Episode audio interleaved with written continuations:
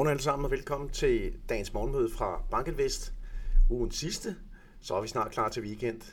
Indtil da, så er der jo masser af markedstemaer, der kører rundt. Nogle af dem, som vi har fokus på, det er jo, at aktierne har sævet lidt i de seneste par dage. Dog noget stabilisering her til morgen. Uh, aktierne har egentlig været presset af stigende renter, øh, tydeligvis, men øh, i går der faldt S&P 500 med 0,3 procent, samtidig med at renterne faldt, så det var lidt andre temaer, der kørte ind der og ikke mindst IT-sektoren med Apple som central spiller, der kom i fokus. Apple faldt med cirka 3% i går. Øh, det kommer vi lige tilbage til. Vi fik også relativt stærke makrotal igen fra USA, nemlig jobless claims, der kom ud lavere end forventet.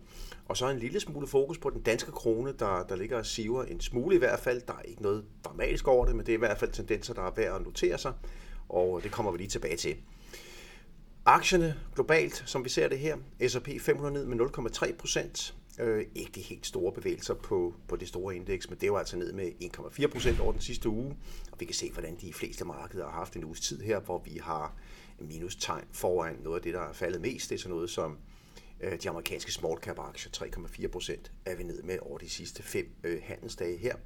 Så helt generelt lidt, lidt svære tendenser på aktiemarkedet. Danske aktier også i form af OMX Copenhagen Cap Indexet ned med 2,4 procent over de sidste fem handelsdage her. Så lidt pres på aktier har vi været vidne til. Øh, I går ser vi sivende tendenser på renterne, der ellers har været i en let stigning her på det seneste, op mod den øvre del af det interval, vi har handlet i en længere periode.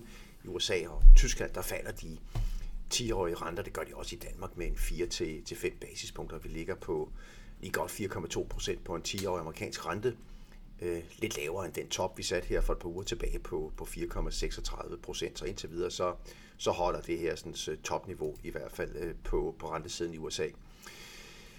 Og det var Apple, der øh, var i fokus i, øh, i går, og har egentlig været det de sidste par dage, og det handler ikke mindst om, øh, om Kina og øh, det, der ser ud til at være de kinesiske myndigheders beslutning om at øh, øh, forbyde øh, salg, anvendelsen af iPhones i, øh, i statslige selskaber og i i visse statslige offentlige institutioner. Øh, hvor omfangsrigt det her er, det står ikke fuldstændig klart endnu, men det har i hvert fald været et tema, som er med til at presse Apple kursmæssigt. Markedsværdien er faldet, øh, ja, kursen er faldet en 6-7 procent her de sidste par dage, og øh, selve markedsværdien på Apple ligger i øjeblikket på godt og vel øh, 2.700 milliarder dollar. Det er jo altså øh, store penge, vi, øh, vi taler om der og der er markedsværdien faldet med cirka 10 procent fra den top på omkring 3.000 øh, milliarder dollar, som, som vi var vidne til her for nogle uger tilbage. Så der er lidt pres på, øh, på Apple, og nu tog jeg bare lige et par, par pluk med her fra Financial Times øh, her til morgen, altså Apple stock hit by China worries forud for iPhone 15 øh, lanceringen her, og øh, altså det kører på, øh, altså, selvfølgelig kører analyserne på, hvor meget kommer det her tema til at belaste øh, Apple potentielt. Altså cirka 20% af Apples samlede omsætning på tværs af hele produkt-service sortimentet, det kommer ud af, af Kina. Så Kina er selvfølgelig en, en, meget, meget, en meget, meget stort og vigtigt marked for, øh, for Apple.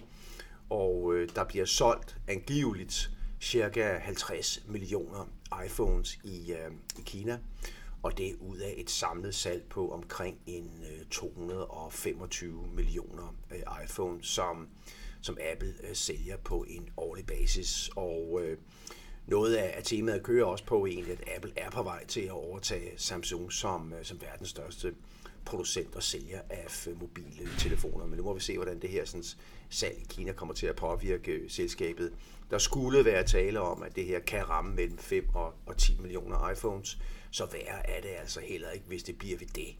Det kommer Apple sådan set fint igennem, men det er klart, at det her eksempel, det highlighter bare den, lad os sige, event, øh, risiko, der er forbundet med at, at handle med, med, med Kina, øh, både køb og, og salg øh, fra og, og ind i, i Kina.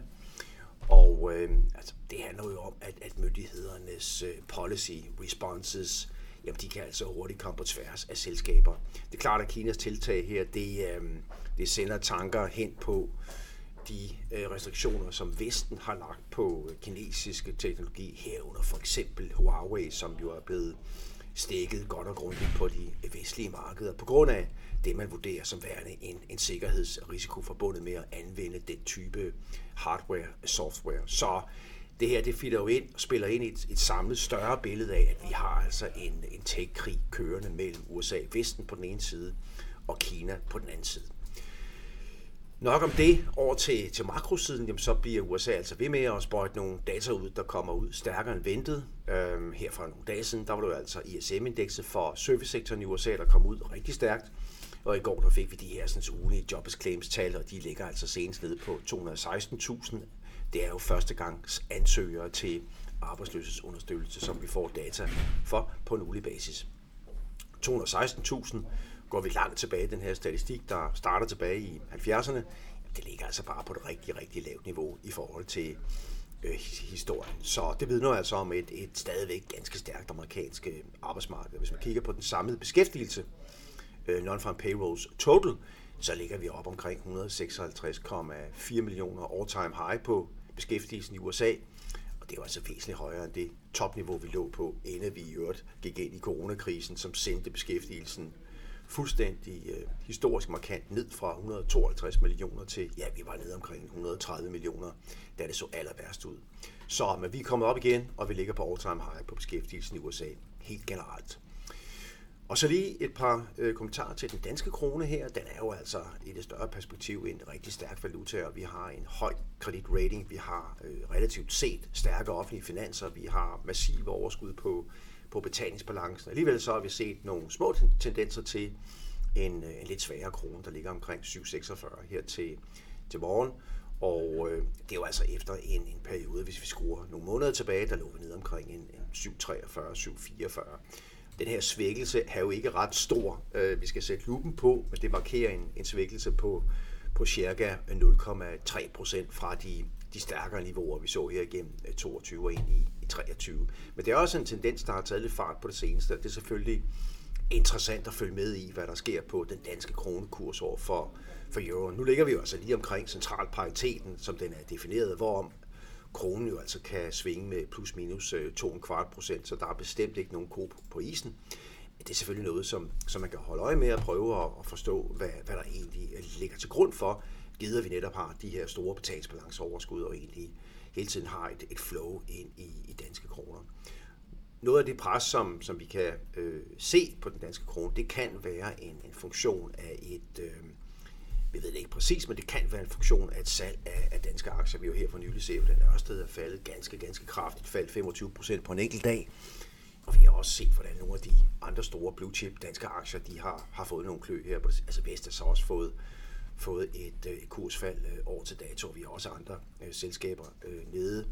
Og hvis man ser på det samlede afkast på det danske aktiemarked år til dato, OMX Copenhagen Cap Indexet, så kan vi jo godt se en vis øh, negativ øh, tendens på danske aktier relativt til det, det globale marked. PT er vi op med, med 13% afkast på globale aktier, målt i danske kroner, vel at mærke, år til dato og vi ligger nu med et afkast på 1,1% på det danske OMX Copenhagen Cap Index. Så, så der har altså været nogle, nogle klø til, øh, til, til danske aktier. Det er ikke, efter vores opfattelse, sådan en, en generel historie omkring danske aktier, men der er nogle, nogle store selskaber, som, som har nogle, øh, nogle øh, særskilte historier. Der er noget idiosynkratisk, der kører igennem på det her marked. Ja, det er klart, at man kan forestille sig, at der er nogle udenlandske investorer, der er ude at sælge nogle danske aktier her. Det kan være flow, der er med til, og i hvert fald i den helt korte på den helt korte bane er med til at presse den danske krone øh, lidt.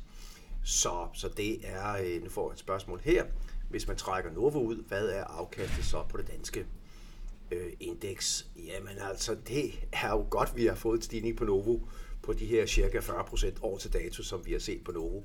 Og øh, Novo ligger jo altså med en vægt i OMX Copenhagen Cap på, øh, ja, på knapperne op, de her sådan, 10%, øh, som, øh, som er, er, er kappen der. Så, så hvis vi bare regner hurtigt, så er det vel en ja, 3,5 procent øh, bidrag plus minus.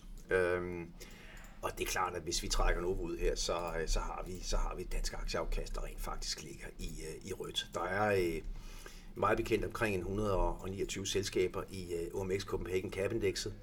Og øh, der er mange af de her selskaber, der har vist øh, rigtig fine kursstigninger over til dato der er også en, en del, som har vist øh, kursfald, og øh, altså nogle af de øh, store selskaber, som har vist kursfald, det er jo ikke bare ikke bare Ørsted, som jeg nævnte her, men også øh, et, et selskab som for eksempel Genmap, der følger rigtig godt, er nede med, med 12 procent. Vi har øh, et selskab som Koloplast øh, i, i rødt. Vi har et selskab som, som Tryk, der er nede med omkring 18 procent på afkastet, og Novozymes er også en af de store spillere, der er nede 11-12 procent. Øh, så vi har altså nogle af de her sådan, øh, historier, der kredser om enkelte selskaber, der, der trækker ned. Og det er klart, at det, det kan være med til at, at presse den, kron, den danske krone lidt i hvert fald på, øh, i det korte perspektiv, og det er, det er bare tendenser, som vi, øh, vi holder øje med. Man kan jo sige, at hvis, øh, hvis det her skulle blive forstærket omkring den danske krone, så begynder det at rejse en diskussion om, hvorvidt vi kan fastholde det negative rentespænd, vi har i forhold til ECB. ECB ligger med en tonegivende rentesats på 3,75 procent, og, øh, og der ligger vi jo altså i Danmark med en øh, indskudsbevisrente på 3,35 procent, så vi har jo altså en 0,40 procent point lavere rente i, i Danmark end det, som vi har i euroområdet, og, øh, og spørgsmålet er, om vi kan, kan fastholde det. Og jeg får et spørgsmål, har I inden for de sidste tre uger revurderet jeres holdning til, hvornår vi ser renten øh, falde? Øh, når vi taler om de, øh, når vi taler om renten, så, øh, så er det jo selvfølgelig et, et, et, et rigtig, rigtig bredt spørgsmål. I forhold til, øh, til centralbankerne, der har vi Altså, vi har jo egentlig igen en længere periode her i 2023 øh, troet ret stærkt på, at vi ville få et meget tydeligt fald i inflationen et fald, der kunne øh, og vil øh, ultimativt øh, presse centralbankerne til at sænke renterne ganske, ganske tydeligt. Timingen omkring det her er, er vanskelig. Vi har, vi har måttet revurdere vores øh, holdning til rentesænkninger igennem 23, således at perspektivet ikke længere er rentesænkninger allerede mod slutningen af 23. Vi skal ind i første halvår 24, før vi begynder at se øh, rentesænkninger fra Fed, ECB og dermed også Danmarks øh, Nationalbanken.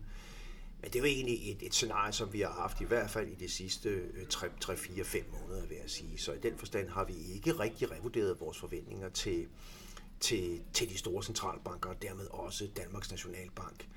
Vi er, vil jeg gerne, øh, vil jeg gerne kommentere på, vi er da lidt overrasket at se, at de lange renter i USA ligger heroppe omkring 4,25 procent, og vi ser, at vi har set den her sådan, af rentestigningen gennem, gennem øh, ja, den seneste måneds tid, som, øh, som har været ret, øh, ret signifikant. Det er, vi, det er vi overrasket over. Så når det gælder de lange renter, så havde vi ikke forventet øh, så tydeligt at se renterne trække op over 4%, som vi har set det i, øh, i USA. Når det er sagt, så er det stadigvæk vores, øh, vores, øh, vores klare forventninger, vi kommer til at se øh, de lange renter tække, øh, ned igen i takt med, at centralbankerne kan begynde at trække vejret mere på grund af, af lavere inflation. Så når vi kommer ind i øh, hælderoverskiftet og ind i starten af 2024, så bør de, øh, de lange renter også ligge på, på tydeligt lavere niveauer end det, de gør nu. Et langt svar på et, øh, et godt spørgsmål. Øhm, tilbage til markedet her fra morgenstunden. Jamen, der har vi altså lige nu lidt, øh, lidt bedre toner. Vi er oppe med 0,2% på øh, amerikanske S&P 500 futures. Shanghai er også trukket lidt op igen. Nu ligger vi flat. Amerikansk 10-årig rente på omkring 4,2 procent cirka, og altså ikke de store økonomiske nøgletal her i dag, må man nok sige. Til gengæld så, apropos centralbanker og renter, jævnfør spørgsmålet før, jamen så, øh, så får vi altså et rigtig, rigtig interessant inflationstal på onsdag ud af USA. Konsensus ligger og peger på, at øh, kerneinflationen igen kun vil stige med 0,2 procent det er samme stigningstakt, vi har set de sidste to måneder. Det billede, der tegner sig, det er altså en kerneinflation i USA, som øh, er godt og grundigt i gang med at skifte gear nedad i de her månedlige stigningstakter. Det er rigtig, rigtig vigtigt. Vi håber og forventer, at det kan fortsætte, når vi ser tallet her på onsdag.